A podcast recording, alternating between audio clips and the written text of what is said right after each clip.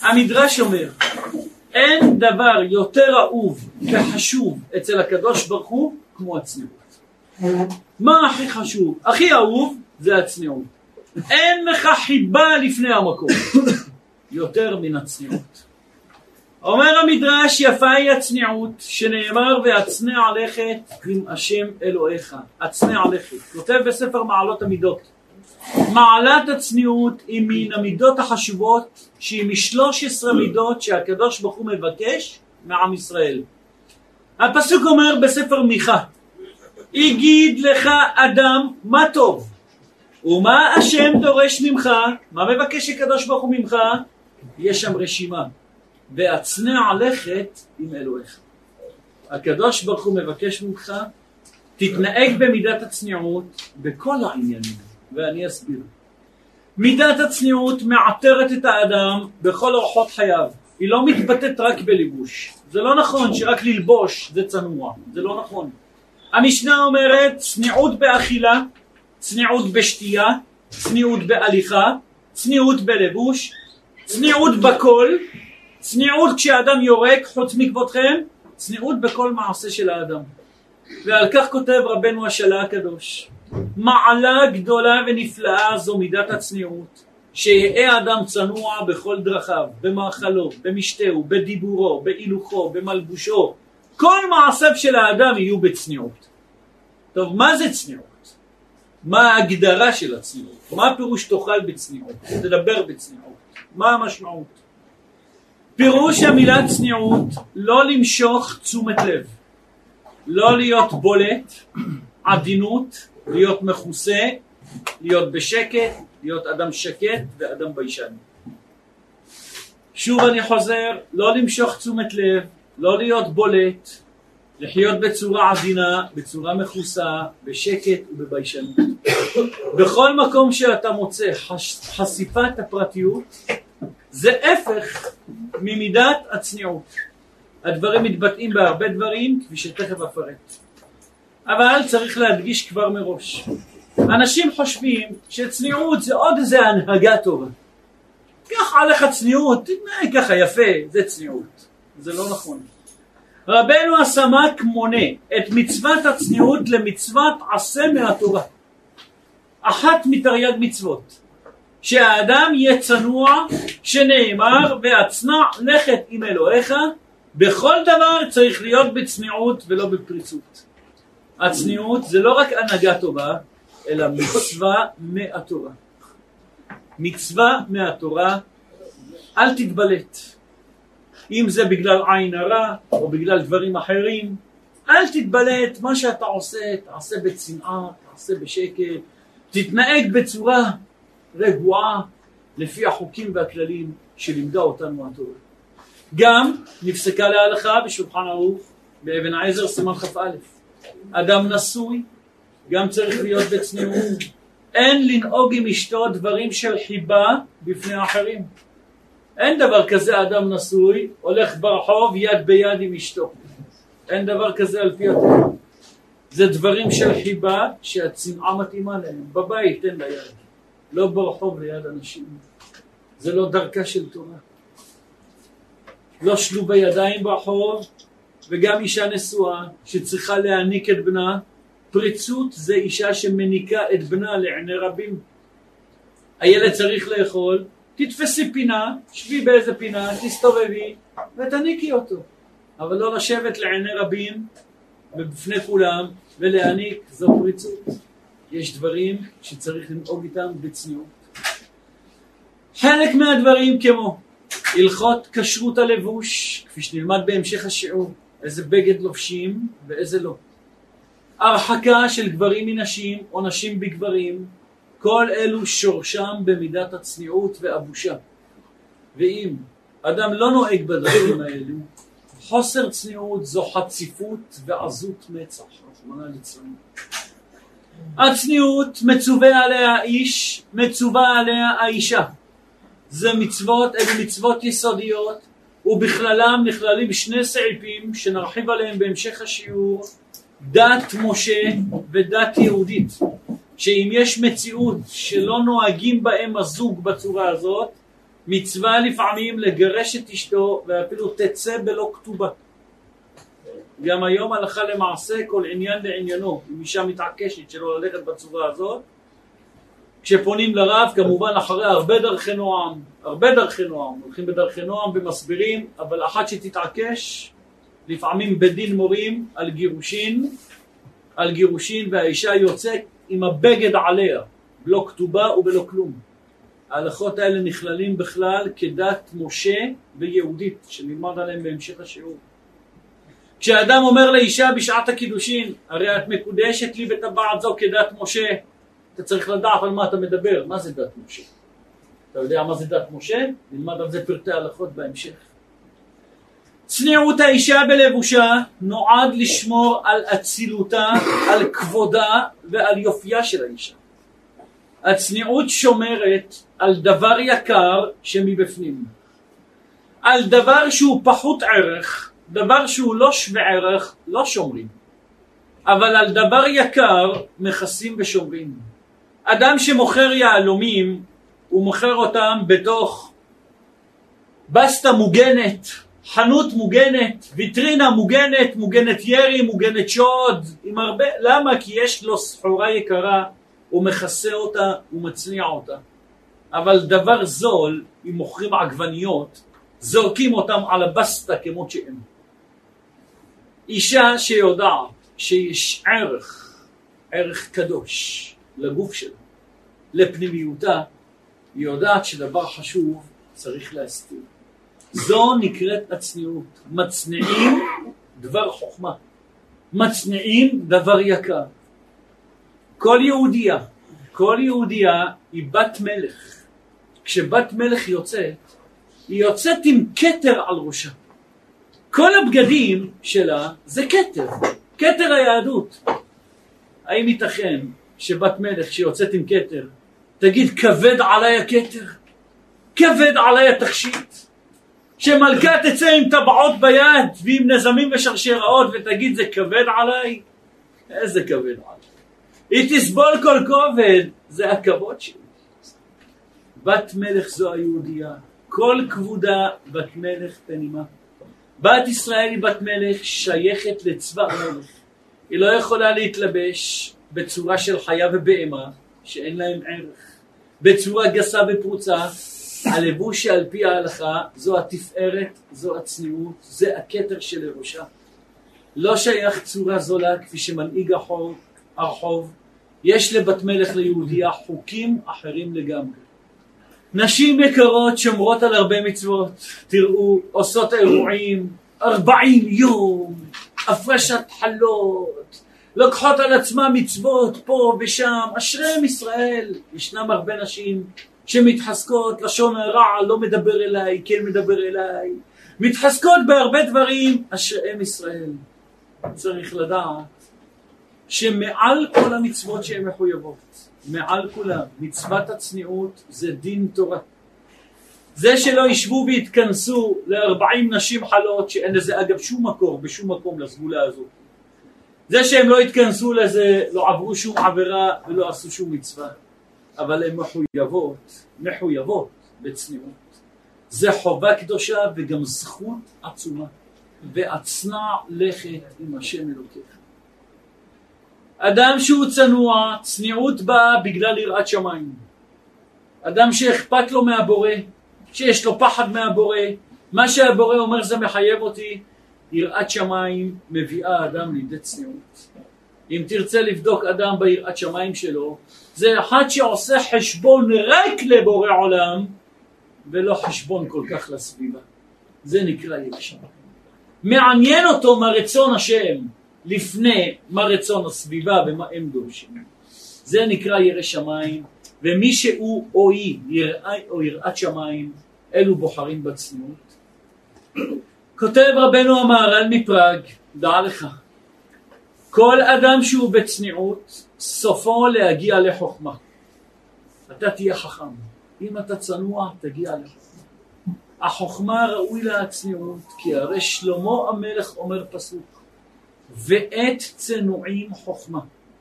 כל אדם שמעשיו בצניעות יימשך להגיע לידי החוכמה ואפילו לידי נסתרות התורה. הדרך, אם אתה רוצה להיכנס, הביאני המלך חדריו, אתה רוצה להיכנס פנימה, אז בוא ותהיה צנוע. ואז הקדוש ברוך הוא עת צנועים, אם אתה צנוע, הקדוש ברוך הוא יזכה אותך לחלק המוצנע שבתורה. שם של 42 אותיות של אללה בכוח, אין מוסרים אותו, אלא למי שצנוע בכל מעשה. אתה רוצה לזכות אפילו לשמות הקודש, אתה רוצה לזכות לעליות ולדרגות, תתנהג בצניעות, אז יפתחו לך שערים המוצנעים, שערי הנסתרות. אומרים חז"ל, הפסוק בשיר השירים אומר, חמוקי ירחייך, חמוקי ירחייך נמשלו דברי תורה. מה הפירוש? למה נמשלו דברי תורה לירך? מה ירך? זה איבר נסתר שבאדם, זה הירך. נוהגים לכסות אותו. ככה כבוד התורה זה גם כן להיות בצנעה. ללמוד תורה צריך להיות בצנעה. לא יושב לו רב באמצע השוק ומלמד תורה ברבים, יושבים בבית הכנסת, בבית מדרש, במקום צנוע. יושבים במקום צנוע, החוכמה נקנית, התורה נקנית בצניעות. אדם שיגיע בתלמודו בצנעה, יושב ולומד, אף אחד לא רואה אותו. הוא בבית מצד עצמו תופס לי קם לפעמים בארבע בבוקר, לא קורא עיתון ולא רואה איזה אתר ב... בין האתרים. לא, אם הוא קם בארבע בבוקר, הוא הולך לתפוס תהילים, הוא הולך לתפוס ספר, אף אחד לא יודע ממעשיו, הוא חי בצניעות האדם הזה. עצנו עם חוכמה, כל היגע בתלמודו בצנעה, לא במהרה ומשכח. התורה תחקק בך, התורה תיכנס בעצמותיך, הקדוש ברוך הוא יפרע לך בגלוי הרבה. נמצאנו למדים רבותיי, שכר הצניעות, צנעת הפרט, צנעת הכלל, צנעת הגבר, צנעת האישה, הוא שכר גדול. בכל התחומים, בכל העניינים, בכל המובנים. אלא השכינה שורה בקביעות אצל מי? אצל אדם שהוא צנוע. לומד תורה בצנעה, מתנהג בצנעה, השכינה שורה. אם זה בלימוד, אם זה באכילה ושתייה, כשהוא יושב ואוכל ואין אף אחד בבית, הוא לא אוכל עם הרגליים על השולחן כמו חיה, כמו בהמה. הוא אוכל מסודר, זה השולחן אשר לפני השם. כל שולחן של יהודי זה מזבח. אני אוכל עכשיו לפני המזבח. אז מה זה משנה אם יש אנשים, אין אנשים? אני אוכל לפני בורא עולם, שיוויתי השם לנגדי תמיד. בכל מקום הוא נמצא. אם אתה אוכל בצניעות, ישן בצניעות, לא בגלל שחם, אז הוא הולך לישון כאילו הוא נמצא על המזח. חביבי, יש כללים ביהדות. תישן על פי מה שאומרת התורה, בדרך שלא צריך שתישן עם מעיל, זה לא כתוב בשום מקום. שתישן עם מעיל לא תתקלח עם מעיל, זה לא כתוב בשום מקום. מותר לך לישון פחות מזה, אבל לא בהפקרות. תמיד תדע, השכינה מולך. יש איברים שצריך להצניע בכל מקרה, בכל מצב. צריך לדעת, תחיה בצניעות. אם תחיה אכילה, שתייה, לינה בצניעות, השכינה נמצאת איתך. השכינה איתך. גם אם חזרת בתשובה. והחלטת לחזור בתשובה, צריך לחזור בתשובה בצניעות. יש אחד חוזר בתשובה, והיום הלכתי לשיעור תורה, והיום עשיתי זה, והיום עשיתי זה. הולך עושה רמקולים בכל העיר שהוא קם לסליחות. כל העיר צריכה לדעת, אני קמתי היום לסליחות. תשמע, זה טוב שהלכת לסליחות, אבל אם אתה כבר עושה לזה פרסום מניסה כזה גדול, יורד הערך של המצווה. אתה יודע, שכר פי אלפי פעמים היה לך אם היית עושה את הכל בשקט. בינך לבין הקדוש ברוך הוא, פחות שידעו, פחות. כמה שפחות ידעו. יש דבר נוסף על כולנו. אדם מתוודה, אשמנו, בגדנו, גזלנו, וידוי דברים. תקנו לנו את הווידוי בלחש. למה? שיהיה לך בושה, יהיה לך צניעות, חטאת, אתה צריך לפרסם עכשיו לכולם, תגיד לפני כולם, גזלנו, גלבנו, לפני כולם, זה בושה, תתבייש, תצטנע. לכן תקנו שאת הווידוי אומרים בשקט. בלחש. רק אני ובורא עולם, ריבונו של עולם, אני מתבייש במה שעשיתי, לא רוצה שאחרים ישמעו. זה נקרא צניעות, אבל אדם שאומר את הווידוי בקול, מה שאתה יכול להצניע, אשריך, אשריך תצניע. אם כן רבותיי, הצניעות היא בלימוד התורה, הצניעות היא באכילה ושתייה, הצניעות היא בבעלי תשובה. אין לך דבר יותר יפה וגדול ומשובח, והברכה שורה בו, כמו הצניעות. מידת הצניעות חשובה לאיש, אבל גם לאישה ולבת, ושם המידה היא הכרחית ביותר. וזו חובה. כותב רבנו המהר"ל, השתבחו האימהות הקדושות, בפרט בצניעות. עיקר שבח האישה ומדרגתה זו הצניעות. כותב רבנו הפלא יועץ, דע לך, אישה לא מצווה על לימוד תורה. אין לה מצווה של אישה ללמוד תורה, אבל כל העונש שלה כמעט, בעולם הזה ובעולם הבא, או הזכות שלה, תלויים בצניעות. מה עשית בצניעות? פה השכר, או פה חס ושלום הפגע. חז"ל אומרים כלל, בראתי יצר הרע, בראתי לו תורת תבלין. ברא הקדוש ברוך הוא יצר הרע. איך אדם מאיתנו כגבר יכול להתגבר על היצר הרע? תלמד תורה.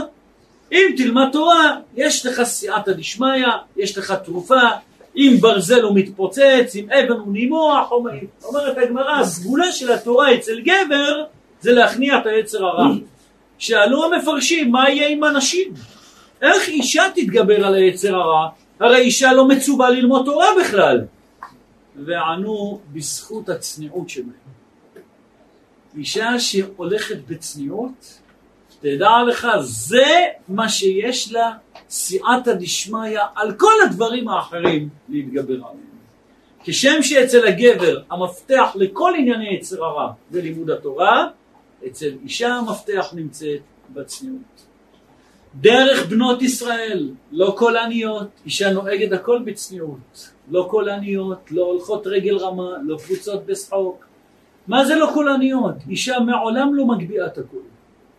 אישה שמגביהה את הכל בבית ושומעים אותה השכנות, נקראת אישה קולנית, שיש לה דינים לעניין כתובה וגיטין שונות מאישה אחרת.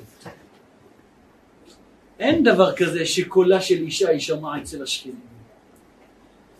כך אומר המדרש רבותיי, אין דבר כזה לפטפט בשחוק ובקול רם אצל נשים, צניעות בכל דבר.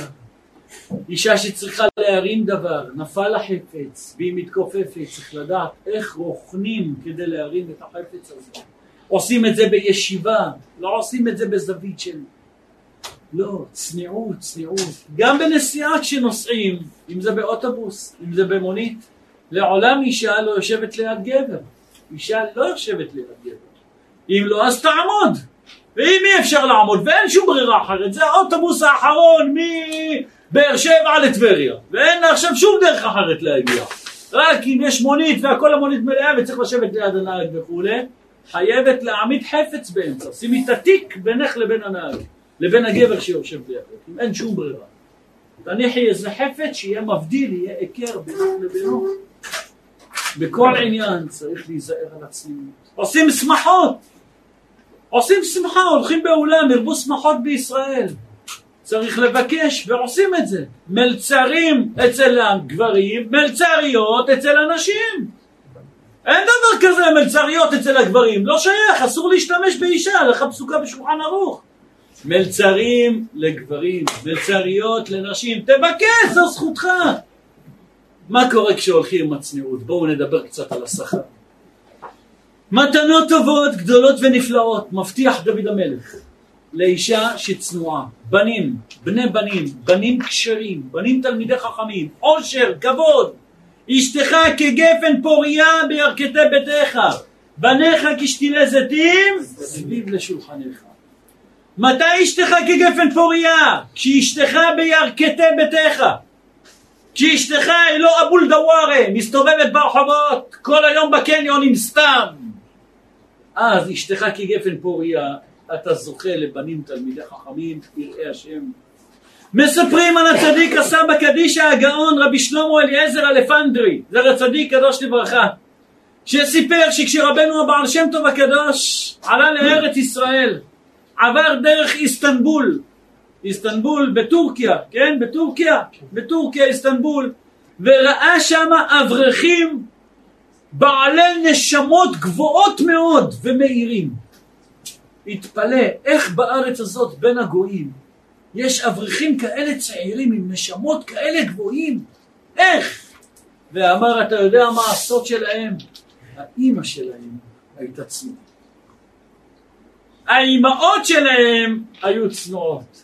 אם נסתכל על הסבתות והסבתות של הסבתות שלנו, הם לא לבשו רק כיסוי ראש אחד, הם לבשו עוד כיסוי, ועוד כיסוי, ועוד גרב, ועוד מעיל, ועוד זה. קיץ וחורף. זה ככה היו הולכים כל עם ישראל בדורות קודמים. אמר הגאון רבי שלמה אליעזר אלפנדרי, זה היה אדם שחי 120 שנה, נפטר לפני 60 שנה, חי 120 שנה בירושלים. הוא עלה מטורקיה. בלילה האחרון של המאה ועשרים שנה שלו הוא ישב וכתב תשובה ארוכה בהלכה עם העיניים, בלי משקפיים, בלי כלום.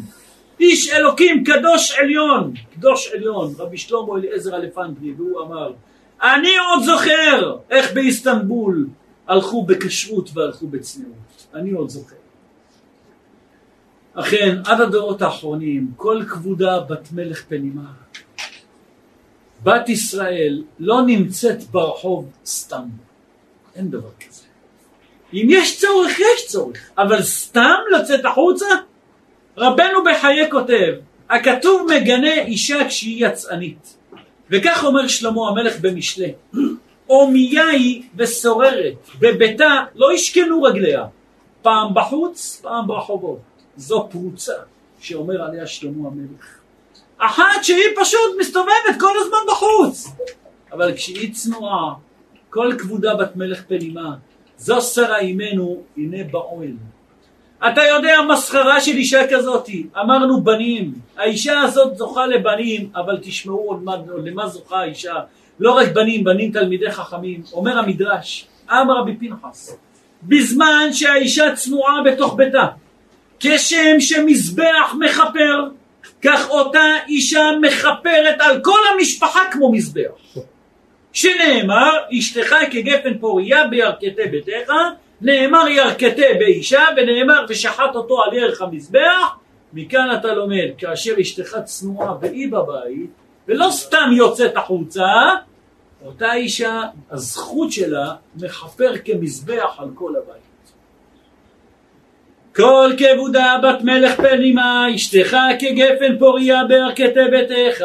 מכאן למדנו מצווה על אישה למעט ביציאה לרשות הרבים ללא צורך. לומדים את זה מקור ראשון מאברהם אבינו. באים אליו המלאכים הביתה, שואלים אותו ויאמרו אליו, איה שרה אשתך? איפה אשתך? הנה באוהל, אומר רש"י צנועה היא, אשתי לא מתבלטת. אשתי גם אם באים אנשים, תופס את הפינה שלו בפנים. ואכן שבח גדול לבת ישראל, למעט להסתובב ברשות הרבים לא לצורך. זה כבודה, כל כבודה בת מלך פנימה, והפסוק אומר בישעיה, תפארת אדם לשבת בית, אומר התרגום, תפארת האישה לשבת בבית. השתבחו האמהות הקדושות בזה, חז"ל מפליגים בשכר, ועיקר השכר זה בנים ובנים תלמידי חכמים. רבותיי, זה לא רק הנהגה טובה, זו הלכה שנפסקה בשולחן ערוך, שולחן ערוך, אבן עזר, סימן ע"ג, סימן א'. כך כותב מרן להלכה. אישה לא תרגיל עצמה לצאת הרבה, שאין יופי לאישה אלא לשבת בזווית ביתה. כלומר, אין איסור לאישה לצאת לרחוב. אישה מותר לה לצאת לרחוב, היא צריכה לצאת לרחוב. אבל לצאת ללא הגבלה, סתם כך, זה נקרא יצאנית. אישה שיוצאת לעבודה, יוצאת לפרנסה, זה משובח וטוב. הפסוק הרי אומר סדין עשתה ותמכור, באשת חיל כתוב, סדין עשתה ותמכור, היא יוצאת למכור את הסחורה שלה, בסדר גמור. אישה שלוקחת את הילדים שלה לגן, לתלמוד תורה, לבית ספר, זה טוב, זה אחד ממה שאישה לוקחת חלק לעולם הבא, בזה שהיא מחנכת את בניה, אישה צריכה לקחת את הילדים למוסדות חינוך, אישה צריכה ללכת לבקר את המשפחה שלה, לבקר את ההורים שלה, לבקר את האחים שלה, ללכת לשמחות משפחתיות או של חברות, וללכת גם להבדיל, לאבלות רחמנא ליצלן, וזו הלכה שנפסקה בגמרא וברמב"ם. אומר הרמב"ם, תשמעו למה. אסור לאדם למנוע את אשתו מללכת לשמחות או לנחם אבלים. פוסק הרמב"ם בהלכות אישות. כל אישה יש לה לצאת וללכת לבית אביה לבקרו, מדי פעם לבקר את ההורים שלה, לבית האבל, לבית המשפה, המשתה, לגמול חסד לרעותיה, לקרובותיה, למה? כדי שיבואו הם אליה. אני הולכת לבקר אותה, יהיה גם אצלה שמחות, יבואו גם הם לבקר אותה. ותשמעו מה כותב, מה כותב הרמב"ם. שאין אישה בבית הסוהר עד שלא תצא ולא תבוא. לא לוקחים אישה, נועלים אותה בבית, שמעי צניעות, גמרנו את נעולה פה בית סוהר. לא. אבל גנאי הוא לאישה שתהיה יוצאת תמיד, פעם בחוץ, פעם ברחובות. יש לבעל למנוע את אשתו מזה שתצא תמיד. שאין יופי לאישה אלא לשבת בזווית ביתה, שנאמר כל כבודה בת מלך פנימה, וכך נפסק גם בהלכה בשולחן ערוך, אבן העזר סימן ע"ד, סעיף ט'. זאת אומרת, אישה צריכה לצאת איפה שצריך לצאת. אבל סתם למצוא סיבה, אין מה לעשות, משעמם הולכים לקניון. הולכים לקניון, סופרים שלוש קומות, מעלה, מטה, בלטה, בלטה, חוזרים לבית, קנו בקבוק מיץ. זה הכל. שום דבר לא עשו שם. בגד שיכלו לקנות בעיר, הכל יש להם, רק הולכים מודדים שם, נלך, נרד, נשב, איזה היתר יש לאישה ללכת להסתובב? אולי רפואת הנפש, אולי חולה, מה אני אגיד, היא לא עובדת, לא עושה כלום, אז הולכת לשבת שם, מה זה? כל כלה שהיא צנועה בבית חמיה, זוכה ויוצאים ממנה מלכים ונביאים. כלה בבית חביה, אבא של הבחור, היא הולכת להתארח שם, היא לא מפטפטת שם, עם האבא, עם חמיה, מדברת איתו, מרגישה חופשי, מדברת? לא. גם שם היא צנועה. זוכה שיוצאים ממנה מלכים ונביאים. כל אישה שהיא מצנעת עצמה, אפילו בת ישראל, ראויה שתינשא לכהן גדול, ותעמיד כהנים גדולים שנאמר כל כבודה בת מלך פן אימה, ממשבצות זהב נבושה. עיקר השכר לאישה צנועה זה לראות בנים, לראות בנים צדיקים ותלמידי חכמים. כולנו מכירים את המעשה בגמרא מסרת יומא. שבעה בנים היו לקמחית, כולם שימשו בכהונה גדולה. אמרו לחכמים, מה עשית שזכית שהשבע בנים שלך כולם כהנים גדולים? אמרה מימיי לא ראו קורות ביתי כלעשר מימיי לא ראו קורות ביתי כלעשר ערי זאת אומרת כל החברות של קמחית האישה הזאת כולם היו צדקניות כולם היו צנועות גם הם זכו לתלמידי חכמים אבל במה זכתה קמחית שזכתה יותר מכולם? לא רק לבנים תלמידי חכמים, אלא גם כהנים גדולים. היא החמירה על עצמה, מה שאפילו אחרים לא עשו. ומותר, אישה לא חייבת כשהיא מסתרקת בתוך הבית, שהקירות לא יראו את השיער שלה. אישה לא חייבת ברכב, אישה יכולה להסתרק חופשי בבית בצורה, כמובן לא ברחוב, בבית, יכולה לעמוד מול ראי ולהסתרק. אבל זאתי, גם כשהיא מסתרקת, פרסו לה סדין מעליה, שהקירות בבית לא יראו את השיער שלה. אחת כזאת היא זוכה לבנים תלמידי חכמים צדיקים. אתם הולכים רחוק, בדור שלפני פנינו, רבנו החזון איש, העידו על האימא שלו, שכשהייתה מסתרקת היו פורסים עליה סדין. היו עומדות נשים מהצד, כדי שאפילו קירות הבית לא יראו את השיער שלה. זכתה לבן שהאיר את כל העולם בתורה. הבן הזה, רבנו החזון איש. בספר תנא דבי אליהו בא ואומר חביבי אתה שמעת את היתרונות? אני רוצה להגיד לך גם שתבין איך זה עובד הפוך. אישה ששומרת על הצניעות זוכה לבנים תלמידי חכמים גדולים בתורה יראי שמיים ובריאים. אבל אומר אליהו הנביא בספר תן דבי אליהו פרק י"ח אישה המהלכת בשוק ומדברת עם כל אדם היא אישה שמפטפטת עם כולם, ברברית, הולכת בשוק, עם זה, אה, מה נשמע, אה, נעים, אה, אה, זה, אה, מדברת עם כולם, גורמת רעה לעצמה ושיהיו בניה רעים ובעלי מומים. פטפטנית, מה נשמע, מה העניינים עם כל אחד? את אשת איש. מה את חושבת, שמותר לפטפט עם כולם? בניה רעים ובעלי מומים, אחר כך היא לא מבינה מאיפה יצא לה העגל הזה, מאיפה יצא הילד הזה. היא לא מבינה למה היא צריכה לרוץ איתו שני וחמישי לבדיקות רפואיות, היא לא מבינה. כותב בספר קבא ישר, בית שחסרה בו צניעות, נמצאת שם רחמנא ליצלן רוח הסטרא אחרא, שמחליאה או הורגת ילדים קטנים חס ושלום. על שונאי ישראל. שוב, השכר למי ששומר על צניעות, ילדים בריאים, ילדים חכמים, ילדים צדיקים. ההפך מזה, אוי ואבוי, בדיוק הפוך. ילדים בעלי מום, ילדים שמתנהגים בתרבות רעה. אבל תגיד רק הילדים סובלים! בואו תשמעו מה אומר המדרש. בעצלתיים עמך המקרה.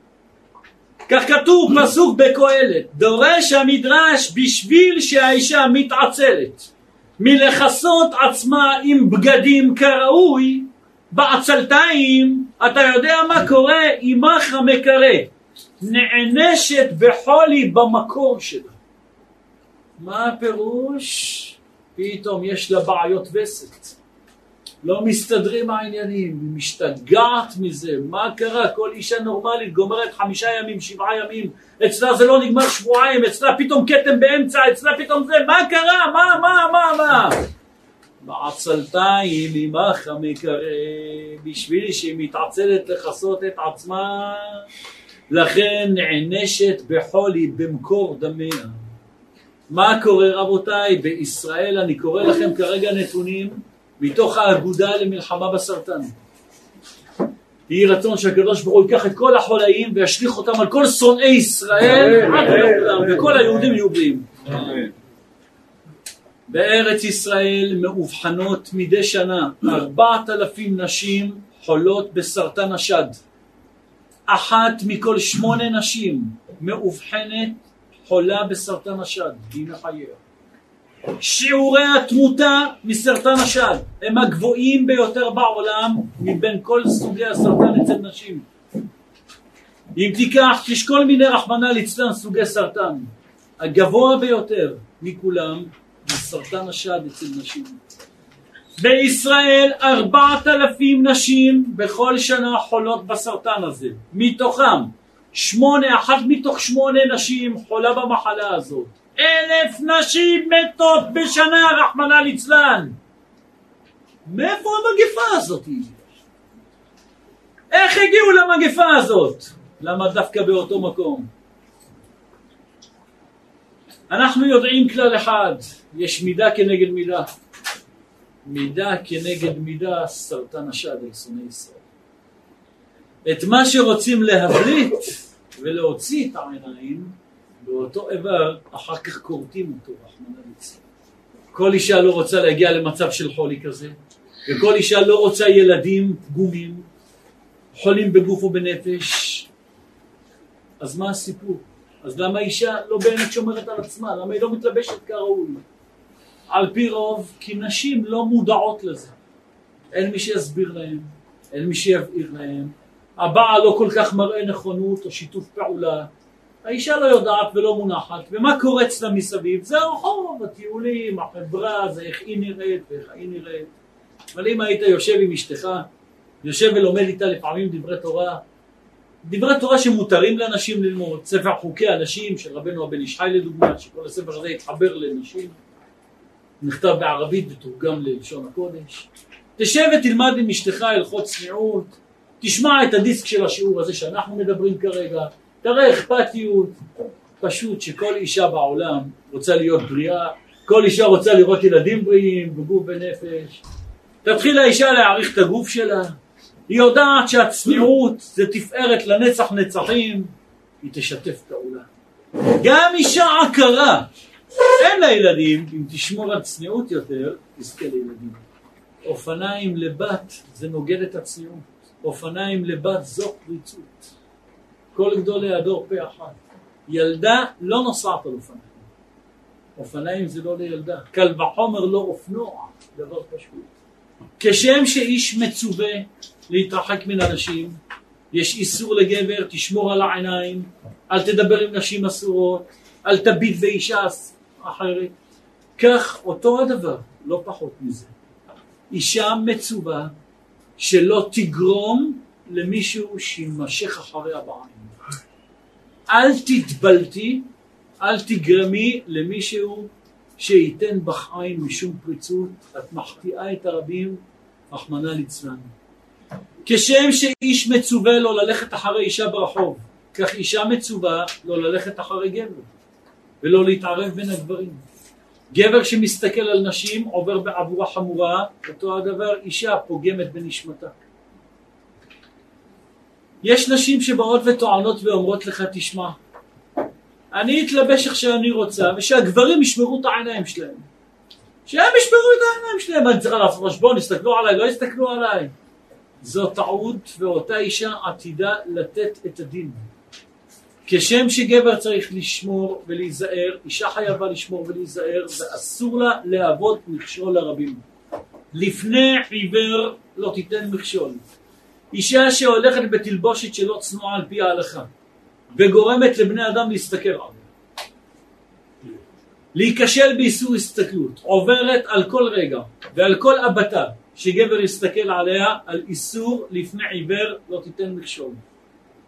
זה לא משנה אם היא מתקשטת לפני אנשים או בכל עניין שהוא, כל דבר שאין בו צניעות וגברים מסתכלים עליה, אפילו אם היא לבושה כולה, היא יושבת באוטובוס לדוגמה ומוציאה מראה ואיפור ומתחילה להתאפר ליד אנשים שמסתכלים עליה, מושכת את העיניים עליה. האישה הזאת עוברת על לפני עיוור לא תיתן מכשול. קל וחומר אישה שהולכת חשופה בדרך מסוימת. עוברת על לפני עיוור לא תיתן מכשול ותשמעו מה כותב בספר שערי תשובה. המסתכלים בפניה או בידיה יורדים לגיהנום. מי שמסתכל על אישה במקום שאסור, דינו אפילו יש בו תורה ומצוות כמשה רבנו, שכולם נזכה לחזור בתשובה, אבל אם עדיין לא חזר, חס ושלום יורד לגיהנום. ומה האישה נענשת? עונש על כל אחד ואחד מהם. גם עד גיהנום על כל גבר שבגללך נכשל. גרמת לגברים האלה להיכשל. מחטיאי הרבים אין להם חלק לעולם הבא. אם לא חזרו בתשובה, מחטיא הרבים אין לו חלק לעולם הבא, אלא נחרטים ועובדים ונידונים על גודל רשעם וחטאם לעולם ולעולמי עולמים. כותב הרמב"ם, אחד שיחטיא בדבר גדול ואחד שיחטיא בדבר קל. כולם יורדים לגיהנום, אין להם חלק לעולם הבא. אישה שהולכת בלבוש לא צנוע, וגברים מסתכלים עליה, גם אם הגברים האלה לא שומרי תורה ולא מצוות ולא שבת ולא כלום. עדיין שם יהודי עליו, לא משנה באיזה גיהנם הוא נמצא, אבל יהודי הוא, מסתכל עליה, אותו אדם עובר עבירה, היא נענשת לא פחות מכל אחד ואחת שנהנה ממנו. אתה מזמין אורח לסעודת שבת, יושב במשפחה, מצווה להזמין אורחים, להזמין אורחות, יושבים אצלכם. האורח יושב עם הגברים והאורחת יושבת עם הנשים. כל אחד יושב בכיוון שלו, גם אם זה בני משפחה וזה גיסים וזה זה, כל אחד יושב עם הזן שלו, עם המין שלו. זה לא שפתאום גיסתך פותחת איתך שיחה. שיחה זורמת על השולחן, שיחה, היא מדברת איתך, אתה מדבר, תגיד לי, אשתך, היא מה לך ולה? זה שהיא נשואה לאחיך, זה מתיר לך פתאום לפתוח איתה איזה שיחת נפש? אז בא אדם ואומר, תשמע, לא, אני מחזק אותה, אתה לא יודע, אני מחזיר אותה בתשובה, אני... אברהם מגייר את הגרים ושרה מגיירת את הנשים. אברהם אבינו לא הלך להחזיר בנות בתשובה. אברהם אבינו החזיר בנים בתשובה ואשתי תעשה את העבודה עם אנשים. ולכן גם כשמגיעים אורחים, אשתך כגפן פוריה בירכתי ביתך. אישה מקומה במטבח, בחדר השני, כשיש גבר יושב עם גבר, מקסימום היא מביאה איזה כוס שתייה, מביאה משהו, שמה על השולחן ונעלמת. אבל היא לא יושבת להישאר שם. אין לה מקום בכלל, היא לא בצוות הזה. זה נקרא צניעות, ואז אתה זוכה לבנים צדיקים. אומר רבנו הבן איש חי, אבל לפי חוקי התורה צריכה כל אישה לשמור על הצניעות, בפרט בתוך ביתה, עם אחיה, עם בני חמיה, עם כל קרוביה, ועם כל משרתיה וקרוביה. זה לא שהגיע אח בעלי, אז מותר לי לפתוח איתו שיחה. מי התיר לך? מה ההבדל בין אח בעלך לבין אדם מהרחוב? אדרבה. בגלל שהוא קרוב משפחה, העניינים יכולים להסתבך יותר מהר. וכך כותב רבנו החיי אדם, ואני מקריא: לפי שראיתי ושמעתי מהרבה בני אדם שהם עמי הארץ, וחושבים שכל הקרוב קרוב יותר מותר בכל ההרחקות. מצווה לפרסם, אדרבה, כל הקרוב קרוב יותר צריך להתרחק ממנו. וצריך האדם להיזהר מהם מאוד מכל שכן מאלה שליבו גס. קרוב משפחה, קרובת משפחה, עוד יותר סייגים. כותב רבנו הפלא יועץ. בעניינים אלו נקל להיזהר בנשים זרות, אבל קשה להיזהר בקרובי המשפחה. ורוצה להיזהר בקרובי המשפחה, אומרים שהוא נוהג במנהג יוהרה. מה השתגעת בדודה שלך מה אתה... גדלתם ביחד אומרים לו. תגיד, מה, מה קרה לך אתה? מה? יוהרה, אבל לא יבוש מפני כל, לא יהיה חושש ולא יכעיס את בוראו. אתה תעשה מה התורה אומרת. קרובי משפחה דינם כאנשים אחרים, וגדולה מזאת. אנחנו בתור רבנים יודעים כמה בתים נהרסו מאורח שהזמינו לסעודת ליל שבת. כמה הסתבכו בבתים. עדיף שאל תזמין אתה יש לך חשש מסוים. אם אין את האפשרות לפקח במאה עיניים ובכל האפשרות, יותר טוב שאל תביא אורחים לבית במצב כזה. כמה בתים נהרסו. זה לא נגמר פה, זה גם כן יש עובדים, יש כאלה מביאים עובדים לבית, עובדים זרים. אומר, זה כבר לא משפחה שלי, לא כלום, אני מביא איזה אחת רומניה, פולניה, אה, תאילנדית, שתבוא תטפל. בחוץ, יש אנשים של שונאי ישראל, אנשים נכים, אז מביאים איזה פיליפינים, מביאים מישהו שתטפל בהם. גם לגבי זה יצא פסק מבית דין בירושלים. אדם שמביא עוזרות, עוזרים בבית. אין שום היתר להרשות להם ללכת בדרך פרוצה בבית. אתה תאמר להם מראש, אצלי בבית הולכים בצורה לבושים. יש לי ילדים, אני צריך להרוס לילדים את החינוך בגלל שעכשיו פה מביא פה פיליפיני, בגלל שאני מביא את זה? בשום פנים ואופן. אצלי בבית הולכים בצניעות, הולכים בצניעות, אני לא מגרש את השכינה מאצלי בבית בגלל העובד הזה. רבנו החפץ חיים, לרד צדיק קדוש לברכה, בליל כל נדרה, ליל יום הכיפורים, השנה האחרונה שלו לחיים, עמד רבנו החפץ חיים ודפק על הבימה בדרשת כל נדרה ואמר, רבותיי, הוא בכה בדמעות וצעק מקירות ליבו, מי רוצה קרבת אלוקים? מי רוצה כפרת עוונות בהבטחה? מי רוצה השראת שכינה בבית? מי רוצה רפואה ובריאות בבית? מי רוצה פרנסה בבית? אני מבטיח דבר אחד, צניעות בבית, הכל בבית, השכינה בבית. צניעות בבית. גם בבית חייבים ללכת בצניעות. זה לא שהאישה בבית, הבנות בבית, אז בתוך הבית מותר לעשות הכל, לא. גם בבית צריך להתנהג בצניעות. מי שאכן מתנהג בצניעות, בבית ובחוץ, זוכה לבנים צדיקים מאירים בתורה, בריאים ושלמים. הלכה למעשה, אסור לאישה ללכת עם נעליים שעושים רעש.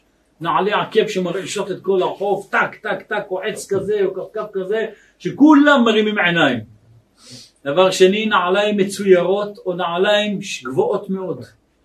הכלל הוא, כל דבר שמושך עיניים. כשאתה מסתכל, אז אתה נדבק על הדבר הזה. אם זה מנעלים. מסקרות עיניים, זה לא מדובר על הנעליים, אבל מדובר כבר על העיניים. איפור מותר מצר הדין לאישה. מותר לאישה להתאפר, אבל באופן שאדם לא יהיה בולט, שהאיפור לא יבלוט מדי. מותר לאישה לשים צבע על עצמה, לשים זה, כדי לכסות פצעים, כדי לכסות צלקות, להסתיר חיוורון. כל הדברים האלה מותרים לאישה לעשות מותרים לאישה לעשות את זה. אבל מותר לאישה לעשות כדי להסתיר את, המו, את הפצעים וכולי, מותר לה, אבל שלא ימשוך יותר מדי את העין. מתי מותר לאישה לשים אודם גס? מותר מותר לאישה לשים איפור חזק מאוד, רק לפני בעלה. כשאת עם בעלך בבית, תעשי את כל מה שאת רוצה, תמשכי לבעלך את העיניים, זה מותר. אישה מותר לה להתבשם, אבל שהבושם, רחמנא ליצלן, לא יגרום לאנשים אחרים להריח. גבר שמריח בושם שעל אישה עובר על לא תנאף. לא תנאף דורשים חז"ל, לא תהנה באף. לא תנאף, זו דרשת חז"ל. אם כן, אישה שיוצרת מבוסמת לרשות הרבים, מחטיאה את הרבים, רחמנא ליצלן.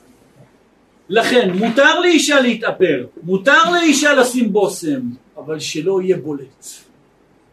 שלא יגרום למשוך עיניים, שלא יגרום למישהו להסתכל עלייך, רחמנא ליצלן. זה אסור. מלבד זה צריך לדעת שבענייני בושם יש איסור נוסף שעליו צריך בפני עצמו ולא אדבר עליו כרגע, יש בעיה בשבת. לא כל איפור, לא כל איפור מותר לאישה לשים בשבת. יש איפורים שמותר ויש איפורים שאסור. יש איפורים שגורמים חילול שבת, לכן גם המתאפרות בשבת צריכים לדעת מה מותר להתאפר מה לא. דבר נוסף שכדאי לדעת אותו, גם איפור ביום חול, לא כל איפור מותר. יש איפור קבוע שדין האיפור הזה כמו כתובת קעקע. אסור לבת ישראל לשים איפור כזה. על זה צריך שיעור בפני עצמו, לא כרגע. לא כל איפור מותר לאישה לשים. יש איפורים, גם ביום חול אני מדבר. תכשיטים, מותר לה לשים תכשיטים, אבל שלא יהיו בולטים. אם זה עגיל שמתנדנד, נד נד עלה ברד כזה גדול, אסור לאישה לשים אותו.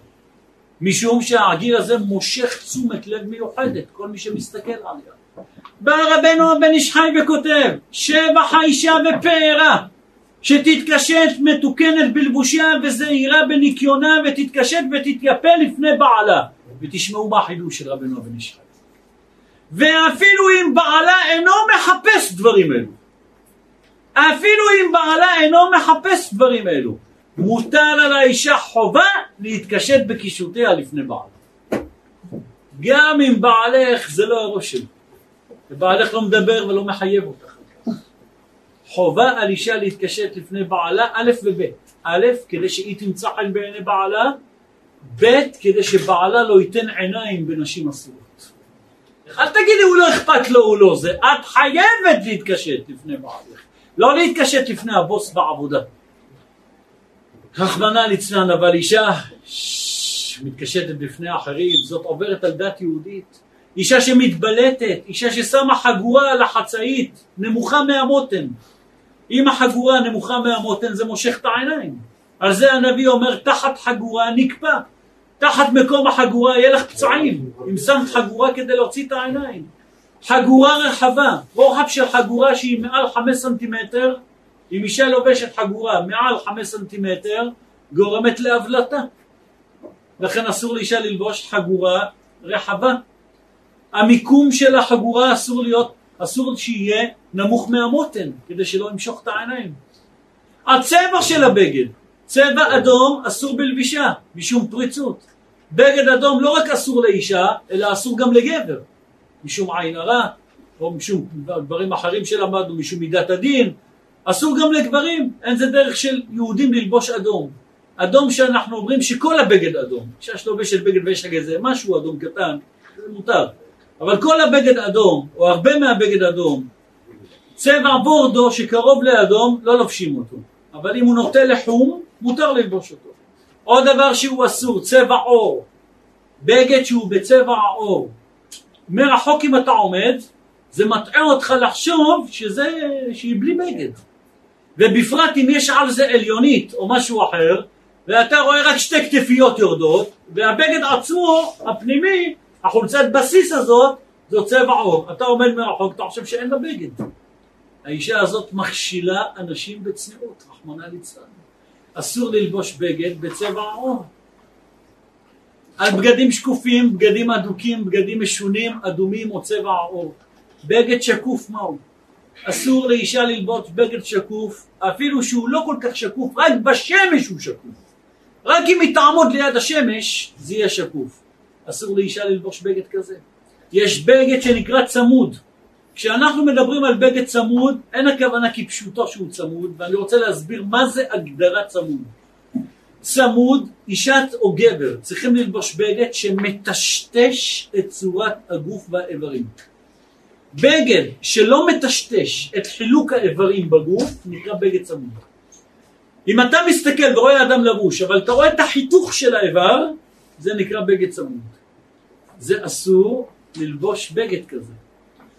בכלל הבגדים האלה זה בדים שעשויים מטריקו, לייקרה וסטרץ'. אלו הדברים האלה, טריקו, לייקרה וסטרץ' בעיקר, נקראים בגדים צמודים. כשלובשים את הבגד הזה הוא נדבק לגוף ומבליט את חיתוך האיברים. דבר כזה אסור בלבישה. רבנו הרמב"ם כותב על גברים, למה קראו לבגד החכמים גלימה? למה זה נקרא גלימה? על שם שעושה את האדם כגולם. אתה מסתכל עליו, אתה רואה משהו מוגלם, אתה לא רואה בדיוק את החיתוך, לכן נקרא גלימה. לכן, בנוסף לכל אלו, שאסור ללבוש בגד צמוד, יש מישהי שצריכה להיזהר יותר מכולם. אישה בהיריון, אישה שנמצאת בהיריון, אז הבגדים גם קטנים עליה, עם הזמן היא מתרחבת, והבגדים כבר נצמדים עליה ביותר. בפרט אסור לאישה בהיריון ללבוש בגדים צמודים, או בגד שהוא עשוי מסטרץ', טריקו או לייקרה, הבגדים האלה אסורים. כלה ביום החופה חייבת בכל דיני הלבושים והצניעות כמו כל אישה אחרת. למה? כלה ביום החופה, א', דינה ככל שאר אישה, זה דבר פשוט, אבל ב', כלה ביום החופה, יום החופה זה כיום הכיפורים. מוחלים הרי לחתן וכלה על כל עוונותיהם. איך את רוצה שיעשו לך מחילת עוונות כיום הכיפורים אם תלכי עם בגד חשוף או בגד לא צנוע? איזה עוון ימחל לך? לא רק שלא ימחל אלא את מדביקה על עצמך עוד עוונות. מפספס את הכל, לא חבל? אם כן רבותיי צריך להיזהר בכל הלבושים, בכל הבגדים, בכל העניינים האלה, בכל ענייני הצניעות בין גבר לאישה. אני כאן דיברתי בדברים המוכחים ובדברים באמת העיקריים. תדעו שלא דיברתי על חומרות. לא דיברתי על דברים שהם... אני אתן דוגמה אחת לזה. גרביים. פשוט אישה שיוצאת לרחוב חייבת גרביים. זה אין ספק. חייבת גרביים משום שעקב באישה זה ערווה. ברחוב חייבת גרביים. השאלה בבית, אישה שנמצאת בתוך הבית, האם צריכה ללבוש גרביים או לא? יש מחייבים ויש אומרים שהבעל לא יעמוד על זה בכוח. יש אומרים שאכן אישה חייבת גרביים בבית, ויש אומרים אשתך הלכה לבית בלי גרביים, אל תעמוד על זה בכוח, אבל דבר אחד אתה צריך לזכור, אתה צריך לזכור, אסור לך להתפלל או אסור לך לברך, לא שהכל, לא אשר יצר ולא כלום, מול הרגליים של אשתך אם היא בלי גרביים בבית. זה דבר פשוט, משום שעקב באישה זה ערווה, לכולי עלמא, אין חולק על זה. גם אם מותר לאישה ללכת, בוא נניח ומותר לאישה ללכת בבית בלי גרביים, אבל לברך אסור לך ליד הרגליים שלה, אתה תסתובב לצד אחר וכולי. כיסוי ראש לאישה. הוא יופי האישה, הוא נזר תפארתה של בת ישראל. אישה שלובשת כיסוי ראש זוכה לבנים חשובים וצדוקים, בעלה זוכה לעשירות ולגדולה גדולה. למרות שאישה מאוד אוהבת את השיער שלה, קשה לה להיפרד מהשיער, השיער זה חלק מנשמתה, אבל אישה נשואה צריכה לכסות את השיער. ההלכה אומרת, אסור לאיש להסתכל בשערות אישה, בין אישה נשואה, בין אישה רווקה. גבר שמסתכל על השיער של אישה, לא משנה איזה אישה, אסור לו, זה ערווה. אישה שהיא נשואה חייבת מדין תורה, מדין תורה, לכסות את הראש. שנאמר, הוא פרע את ראש האישה, אזהרה לבנות ישראל שלא יצאו בפירוע הראש. כיסוי ראש אצל אישה, החיוב שלו מדין תורה. כתוב, לימד על בנות ישראל שיהיו מכסות ראשיהם, אישה שהולכת ברשות הרבים ברחוב ולא כיסוי ראש, עוברת על איסור תורה, איסור תורה. חייבת אישה לכסות את הראש שלה, שלא יצאו השערות לחוץ. אישה נשואה לא הולכת בכיסוי ראש. המשנה אומרת מסרת כתובות, ואלו יוצאות שלא בכתובה. בן אדם מגרש את אשתו בלי כתובה, זורק אותה החוצה עם הכותונת שעליה, בלי כתובה ובלי כלום. זורק לגט וזהו. אישה שיוצאת בראש פרוע, אומרת הגמרא, זה בלי כיסוי ראש, זה דין תורה. דאורייתא הוא פרע את ראש האישה, אז אזהרה לבנות ישראל שלא יצאו פרעות הראש. נפסק בשולחן ערוך אבן העזר, סימן כ"א. לא תלכנה בנות ישראל פרועי ראש, אחת פנויה, הכוונה אישה אלמנה או גרושה. היא הייתה פעם נשואה, אבל היום היא אלמנה או גרושה. ואחת שהיא אשת איש, אסור ללכת בגילוי ראש, דין תורה. בדור הקודם כותב בעל מתוק מדבש בספרו כתר הצניעות. גדולי ומאורי התורה בשנת כתר, תרכ, ראו את הפרצה שהתחילו נשים ללכת קצת בלי כיסוי ראש, עמדו והטילו חרם חמור וגזירת נחש. בנוסף לדין תורה, חרם על כל אישה שעוברת על דת יהודית והולכת בגילוי ראש, לא יובא השם סלוח לה. נחלקו חכמי התלמוד, האם חובת הכיסוי נוהגת רק ברחוב או גם בבית? זה שצריך לשים כיסוי ראש בדין תורה, זה גם בבית או רק ברחוב? יש בזה מחלוקת. לדעת הזוהר הקדוש, גם בבית אישה אסור לה ללכת גלוית ראש. כל שערות הראש חייבות בכיסוי, אם מבצבצות קצת שערות של האישה החוצה. לדעת הזוהר הקדוש אסור אפילו ששערה אחת תצא החוצה.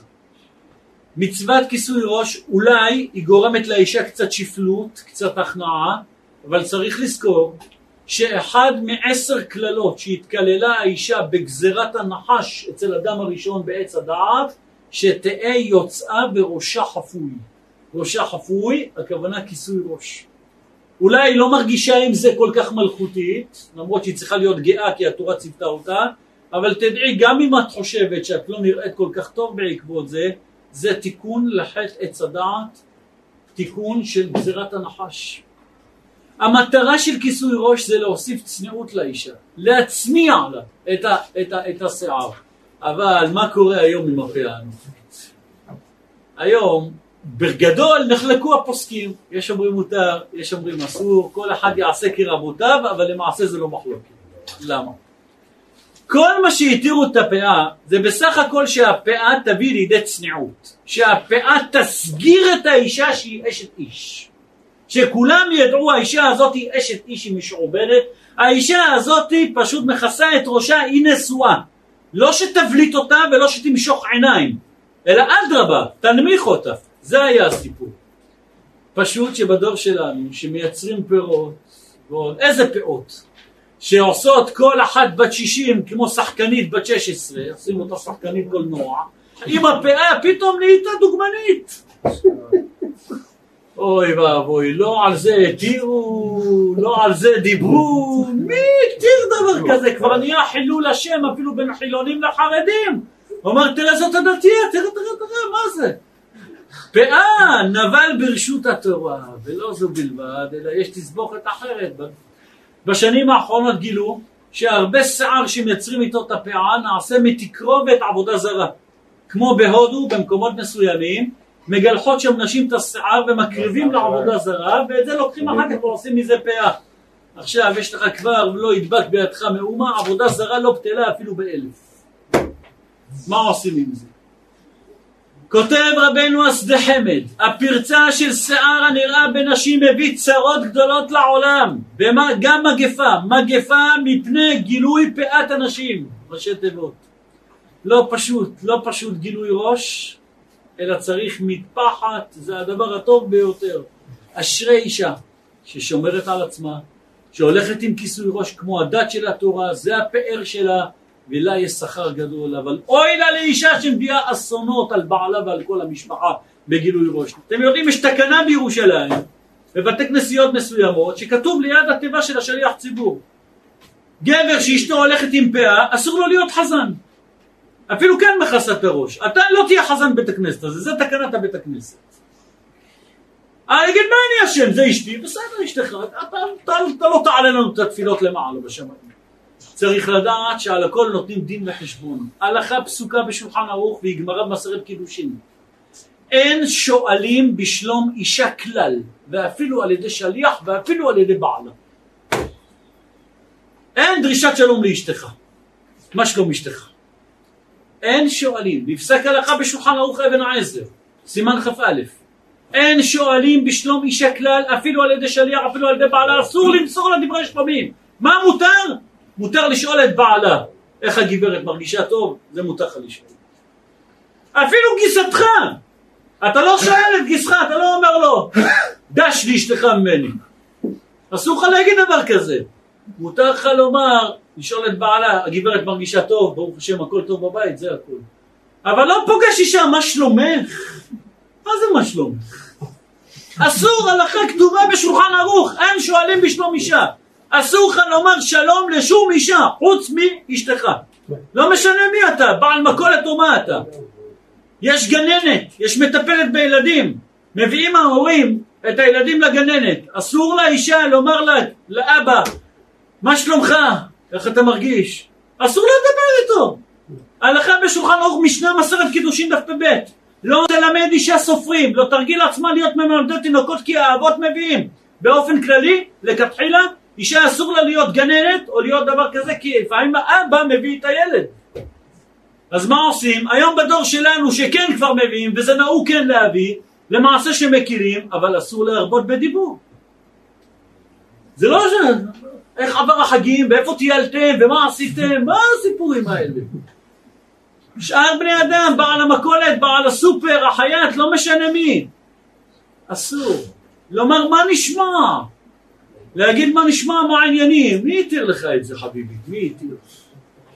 ומכאן רבותיי לשפיץ הגדול מכולם, מקומות עבודה. עובדים במקום עבודה ויש גברים ויש נשים. יש תקנות במקומות העבודה, מקומות שאישה עובדת עם גברים, צריך שיהיה הפרדה נפרדת. צריך שיהיה כללים לעולם. לא קוראים לבוס או אחד לשני בשם הפרטי. לא המזכירה קוראה לבוס שלה אייל, מה אתה אומר? ולא הוא קורא לה ריקי, כתב, אין דבר כזה. לא ריקי ולא אייל. שום דבר. אתה רוצה? אתה יכול לקרוא בשם המשפחה, מר כהן, מה אתה אומר? למה? כי השם הפרטי זה חיבה. כשאתה קורא לאדם בשם הפרטי, זה לשון חיבה, ואסור שיהיה חיבה במקומות העבודה בין גבר לאישה. עובדים ועובדות לא מבצעים עבודה סביב שולחן אחד, אסור שגברים ונשים סביב שולחן אחד יעבדו, שולחן שיעבדו בו גברים, שולחן שיעבדו נשים. כמה בתים נהרסו בישראל מתוך מקומות העבודה? רבי שמואל הלוי ווזנר שליטה מבני ברק בעל שבט הלוי, הקדוש ברוך הוא ירחמה בטוב ושנותיו בנעימים. עמד, עמד ודפק על השולחן וצעק כמה בתים יפים נהרסו בעם ישראל בגלל מקומות העבודה. הלכה האישה לפה, החליפה מילה עם ההוא מפה וההוא משפה, אוי ואבוי אני. אוי ואבוי, לכן רבותיי, צריכים לעבוד, מוכרחים לעבוד, אבל צריך לפתוח עשר עיניים, מה כללי ההלכה. גם שם צריך לשמור. הכל בציניות, כשיש גבר ואישה, שום חיבה, שום זה, אה, אני אצא, אקנה לך אוכל, יביא לך פלאפל גם, יביא לך זה, מה אתה, מה אתה חבר שלה, מה אתה, תלך תקנה לה פלאפל, תקנה לך זה וזה. אני לא אחראי עליך, אין, זרות לגמרי, אני עושה את התפקיד שלי וזה הכל, תקני בעצמך, תשלחי את בעלך שיקנה לך, לא אני. דבר נוסף רבותיי והוא, אדם אומר תשמע אני לא לובש, אני לא עובד, אני לא זה אבל אני מוכר, יש לי חנות לבגדים. אסור לאדם למכור בגדי סוג. אסור לאדם למכור בגד של פריצות וזה איסור תורה לפני עיוור לא תיתן מכשול כמו אדם שמושיט כוס יין לנזיר עובר באיסור לפני עיוור ככה למכור בגד לא צנוע אדם שיש לו חנות נעליים או חנות בגדים לגברים או לנשים אם הוא מוכר בגד לא צנוע אותו אדם שותף בכל העבירה רחמנא ליצלן לא רק למכור אסור, אסור גם לתקן. באה אליך אישה עם בגד שהוא לא צנוע ואתה חייט, אומרת נקרע לי התפר, תתפור. אסור לך לתפור לה את זה. אני רוצה להדגיש עד כמה זה חמור, תשמעו מה ההלכה אומרת. מכירת בגדי איסור חמור יותר ממכירת נבלות וטרפות. למה? מי שמוכר, מי שאוכל נבלה וטרפה, נכשל פעם אחת באיסור. אבל זה שמכר בגד לא צנוע, היא תלבש את זה היום, ותלבש מחר, ותלבש עוד שבועיים, ותלבש עוד חודש. כל פעם זה איסור מחדש. תקלה ואתה נכנס לעונש תחת כל דבר ודבר. לכן דבר פשוט, אסור למכור ואסור לתקן בגדים כאלה, בשום אופן. דבר נוסף, כל אדם מאיתנו, וזה למעשה הסיום של השיעור, כל אדם מאיתנו מחויב למחות תחת כל אלו שתחת חסותו. אתה כגבר, יש לך אחריות על אשתך, והיא אחריות על הבנות שלך. אחריות על האחיות שלך, אם הם באים אליך לבקר בבית, או כל אדם שנמצא בסביבה שלך. כל אדם מאיתנו עם התפקיד שלו, עם הסמכות, גבר כלפי הבית שלו, הוא בעל הבית בבית, רב שכונה חייב לדבר בשכונה, ואם הוא לא מדבר, ישרפו אותו ראשון לפני כל אלו בשכונה. כל רב שכונה יש לו אחריות, אחריות כלפי כל אלו שבשכונה. הוא חייב לדבר, הוא חייב להתריע, לא לבוא לבית הכנסת ולדבר על איזה דברים באספמיה, הוא חייב לדבר על הדברים האלה של הצניעות, רבותיי, חוסן לנפשותיכם שלא תסרחו אתם בגיהנום. אם הוא לא מעיר על זה, הראשון שיזרקו זה הוא, לצערנו. חייב כל אדם לפי הסמכויות שיש לו, לבוא כלפי כל הנמצאים תחת חסותו, ולהודיע להם. הגבר, התורה אומרת, ויברך אותם אלוקים ויאמר להם פרו ורבו ומילאו את הארץ וכיבשוה. אומר רש"י, אומרת הגמרא, ניתן כוח לכל גבר לאיש שיהיה כובש את אשתו בביתו שלא תהיה יצאנית. התורה נתנה, הטביע הקדוש ברוך הוא כוח בכל בעל, בכל גבר, שיוכל לרסן את אשתו, שיוכל להעמיד אותה במקום. אני אשאל אתכם שאלה, יבוא אדם ויגיד כבוד הרב מה אתה רוצה ממני, אתה יודע כמה פעמים דיברתי איתה? אתה יודע כמה פעמים דיברתי באישה הזאת, כמה פעמים דיברתי, לא עזר שום דבר, מעשה היה. אחד שהוכיח שוב ושוב את משפחתו, לשמור על גדרי הצניעות, ולא עזר. הלך לשאול את הרב שך, זכר צדיק לברכה, מה אני עושה? תגיד לי כבוד הרב, אתה יודע כמה פעמים דיברתי? ולא שמעו, תשמעו מה ענה לו הרב שך. אמר לו הרב שך, האם ביקשת בתחנונים ובכי? האם בכית לאשתך? למה? אם היית בוכה, היו רואים עד כמה זה מפריע לך, אין ספק שדברים היוצאים מהלב היו נכנסים ללב שלך. אלא מה? לא בכית. למה לא בכית? אתה בסך הכל מרצה לפניהם כשליח של הרבנים. למה ישמעו לך? לא בא לאישה לשמוע עוד הרצאה. לא בא לאישה לשמוע עוד זה, אבל אם היית מראה שזה לא רק אתה מעביר להם הרצאות בבית, אלא זה כואב לך, תשב תוריד דמעות, אוי ריבונו של עולם, אני הולך להיכנס לגיהנום, הולכים, אוי ואבוי מה יקרה איתי, הפרנסה נזקת, הילדים נזקים, מה זה, כל הבית שלי חרוף, כך למדתי, כמה זה כואב לי, כמה זה מצער אותי, זה מצער את הקדוש ברוך הוא, אם היית מוריד דמעות, זה היה עובד. גבר חייב לקנות לאישה בגדים, אבל אסור לו, על פי ההלכה, לקנות לאישה בגדים שהם לא צנועים. אסור לגבר לתת לאישה כסף שתקנה בגד לא צנוע. אדם שנותן לאישה מעות, לקנות כסף, לקנות בגד אסור, עובר עליו בתורה. לפני עיוור לא תיתן מכשול, גמרא מסרת עבודה זרה, דבר בתוספות דיבור המתחיל עוד. דבר פשוט. הגבר חייב לקנות לה רק בגדים צנועים. הגבר חייב בבנים, בבנות, הבת שלך. לא תגיד לי קטנה, היא בת ארבע, מה יש לה? בת ארבע, תרגיש אותה צנוע מבת ארבע, מבת שלוש, כן. איך שהיהדות אומרת וכולי. אתה מלמד את הילדות שלך קורסים, הבת שלך לומדת תפירה, לומדת זה. טוב מאוד. תלוי מאיפה מלמדים, יש מכניסים לבית ג'ורנלים או מקומות כאלה ללימוד ומלאים הרס של התפירה, מאלה אסור להכניס לבית. ג'ורנלים או כל ספרים כאלה, כך כותב רבי דניאל, זכר צדיק לברכה, כל אלו אסורים וזה הורס לך את כל המשפחה. יש תחליפים ביהדות, יש חוברת מרבד שאפשר ללמוד את זה בצורה כשרה, כל דבר יש לו תחליף בדרך הנכונה. ותזכור דבר אחד, שעל כל דבר ועל כל פרט יש דקדוק מהשמיים. כמה צריך אדם להיזהר שלא להיכשל, כי על כל דבר יש דין וחשבון. סוף דבר, אני מברך בברכה הזאת שנאמרה בברכת כהנים. יברכך אדוני וישמרך. אומר רש"י, אומרת הגמרא, וישמרך בבנות. בנות צריכות שמירה. אשתך צריכה שמירה, הבנות שלך צריכת שמירה, הסיוע והקדושה בכל הבית זה השמירה. אני מסרתי בשיעור הזה היום ראשי פרקים מלמעלה, שלמעלה, שלמעלה. יש הרבה דברים שכל אדם מאיתנו צריך ללבן עוד, שבהם לא נגעתי. כל אדם מאיתנו צריך לעשות חשבון נפש לפני ראש השנה, לפני יום הכיפורים, עם מה אני מגיע ששיפרתי, מה אני יכול להשפיע על הסביבה, על הבית, אם אתה נשוי, ואם אתה רווק, אז אולי עיכבו אותך מהשמיים עד עכשיו, כדי שתדע מעכשיו עם מי להתחתן ומה לדרוש מבת זוגתך. יהי רצון שנזכה כולנו לתשובה שלמה, לגאולה קרובה ולשכינה שתהלך בינינו בזכות ההנהגה לצניעות וקדושה. אמן, כן, יהי רצון. רבי חנניה בן הקשיא אומר, עשה הקדוש ברוך